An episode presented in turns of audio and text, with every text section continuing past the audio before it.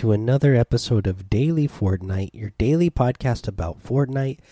I'm your host, Mikey, aka Mike Daddy, aka Magnificent Mikey.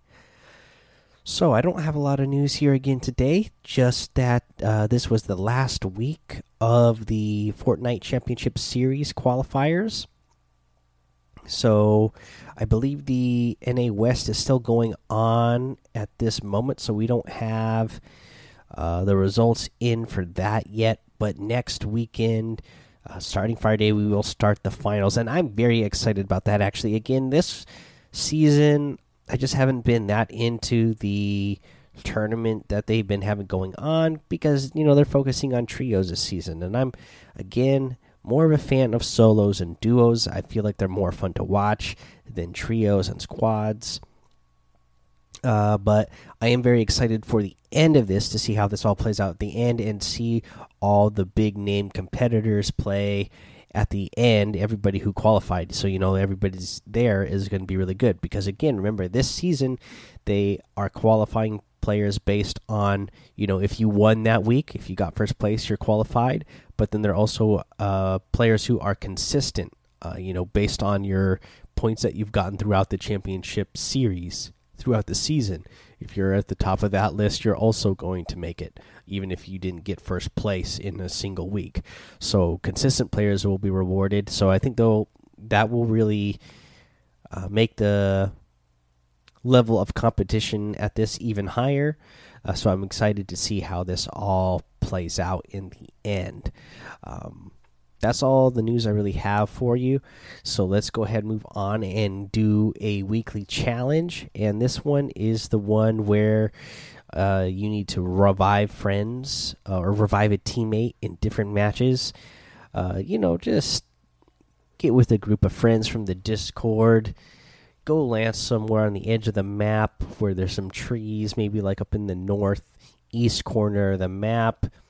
Take turns, you know, build a big ramp way up into the sky, take turns, somebody jump off, and you know, somebody at the bottom revive them, and y'all just take turns until everybody has revived somebody in that match, and then you can all go jump off the ramp together and start a new match and get it done that way. That's the easiest way to get this done. I just feel like, you know, these kind of challenges that's the easiest way to game these challenges. Otherwise, you know, you if you're actually in the middle of a battle, you don't always have a great you might not have great time or uh, a good opportunity to revive your teammate.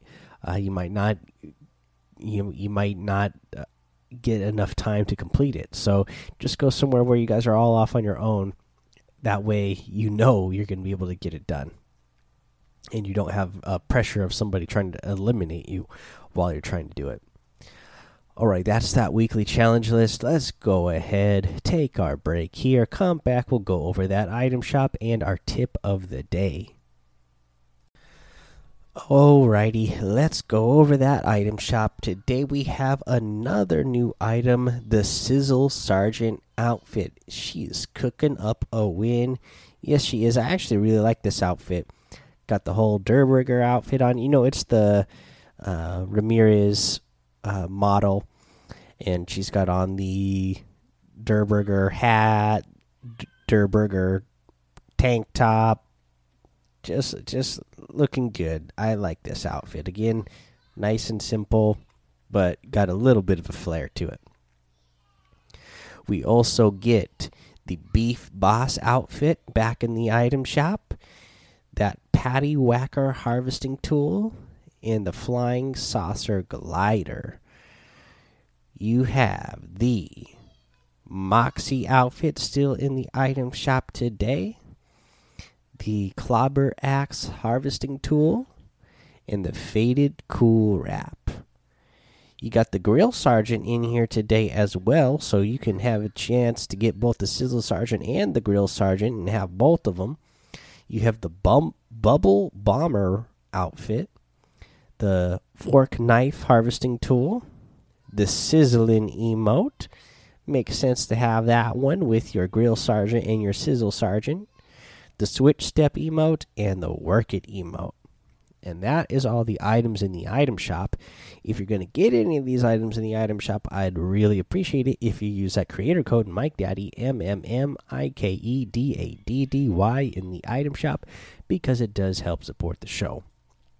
Now, for the tip of the day, I can't find the original tweet where I saw this, um, but there there was some there was some video on Twitter going around where you know, one of these kids was saying, you know, lost out on twenty thousand dollars because of one of the mechanics that we have in the game right now. So, uh, I wish I could find it again. I saw it earlier today, so I could tell you guys what, or so I could tell you, yeah, exactly who it was. But I'll tell you what happened. So, the of course the end circles or in the moving circles, it's uh, ends up being over there in Moisty Palms. What happens in Moisty Palms when you try to crouch? You turn into a prop. I could see in the moment, you know, how that might mess you up. Uh, situation this guy is on the low ground. He's not on any builds at all. He's on the very, very low ground. He's all like all the way down. He's got people from above shooting down at him. Now, he does have builds in front of him. Some of them are built up a little bit. There's a couple of floor pieces that are halfway up. What does he do? He tries to crouch. Obviously, you can't crouch here. Otherwise, you turn into a prop. Again, in in the heat of the moment, I could see, you know, and it being a natural instinct for you, I could see you would do that. Uh, but then what does he do? He he get he gets out of prop mode. Excellent. That's what you want to do. But then he tries to crouch again. That's not so good. And then he's got the shockwave grenades, and then he tries to shockwave grenade into the circle. It's a small circle, it's moving circle. It's going to be hard to land in it anyways. So of course, he shockwave grenades and then misses the whole thing. Ends up dying to the storm, right? Don't get lost in the storm. You don't want to do that. And uh so this whole tip is just about knowing your situation and uh adjusting to the situation you're in, being aware of it and adjusting to it. Now, again, like I've said a million times long before we had Fortnite tournaments, long before we had ranked mode. I always said, you know, from from what I've seen from Fortnite, you know, any tournaments that they're having and what they if they're going to plan on doing these regularly, it doesn't seem to me like they are worried about it being an esport. They themselves don't call it an esport, right? Uh, you know, they're having tournaments, they're having competitions. They're not, you know, they don't market themselves as esport. So the the wackiness of it is something they like having in their game and they like having part of the competition. Now, there's a couple different things this guy could have done. Uh, because he had floors that were in front of him uh, and only halfway up. They weren't you know, it, it, there wasn't like a one by one with them. It is one of those situations where there's floors that are built, uh, but it's kind of going up, so you know it's only like halfway up your to the waist of your character instead of you know it being at a one by one where you wouldn't be able to just jump to the top of it because uh, it would be too high. No, he could have jumped. Would have been very easy to jump here and get on top of the ramps that were in front of him rather than trying to crouch twice. Uh, probably should have realized after the first time that you couldn't crouch there. Also, at some point, maybe, I mean, I, I mean, if he's that competitive, I mean, I see these kids who are, you know, labeling themselves a pros are cranking 90s and creative all day. So maybe you got to build up there and build yourself into the zone if you already realized that you're going to turn yourself into a prop. Uh, you could have even just built a ramp there and got yourself into the zone. Should have been pretty simple. But yeah, that's the tip. Uh, you got to know your situation and adjust to it. Uh, again, I, I just don't like seeing those type of complaints from people who haven't qualified and ha don't have the points uh, in the in a series. Remember, again, they as we said at the beginning of this episode, you have points that you can accumulate through the season for consistent play uh, that can qualify you into the tournament as well. So, you know, we've seen players who are getting in because they're playing consistently, playing with the same set of rules that everyone else is every week, but they perform consistently and still make it. We've seen top pros who have uh, placed in first place and got themselves into the tournament uh, you know, playing with the same rules. And these are pros that we've seen in tournament after tournament after tournament in the past, but they're playing consistent and so consistent and so good that they themselves can get themselves in first place, even with the set of rules that everybody else is playing with. So you just got to be aware of where you are. I mean, if the if the moving circle is going into one of these rift zones, you got to be looking ahead and be thinking about that and thinking about how you need to adjust your gameplay to it. Again, for me, Moisty Palms, I don't have a big problem there.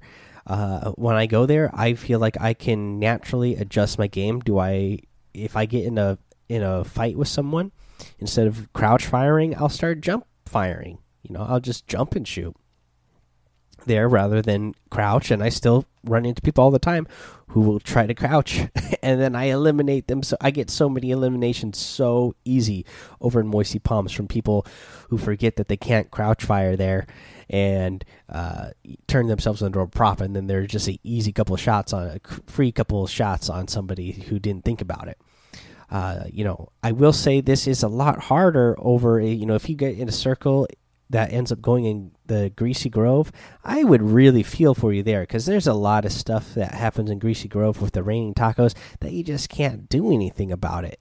Uh, there's not really much that you can adjust to if you just start randomly dancing. Can't build, can't pick things up, can't shoot. Uh, you know that's that's totally different. But in places where you can actually adjust your gameplay, you know you got to be aware of it. So, uh, you know, if you guys are playing in arena or playing in any of the tournaments, just be aware of that. Um, look ahead, look at your surroundings so you know what's going on. But that is the episode, everybody. Uh, I'm being joined by my son here. It's a good thing it's the end of the episode. Uh, but go join the Daily Fortnite Discord. Uh, head over to YouTube. uh, head over to Twitch and follow me on both of those places, guys. Uh, what else? Uh, Twitch, YouTube. Got thrown off a little bit here. Head over to Apple Podcasts, leave a five star rating and a written review for a shout out on the show. Subscribe so you don't miss an episode. And uh, until next time, have fun, be safe, and don't get lost in the storm. Dante, come here. Dante. Dante, come here. Come say bye bye. Bye bye. Bye. All right, bye, everybody. Don't get lost in the storm.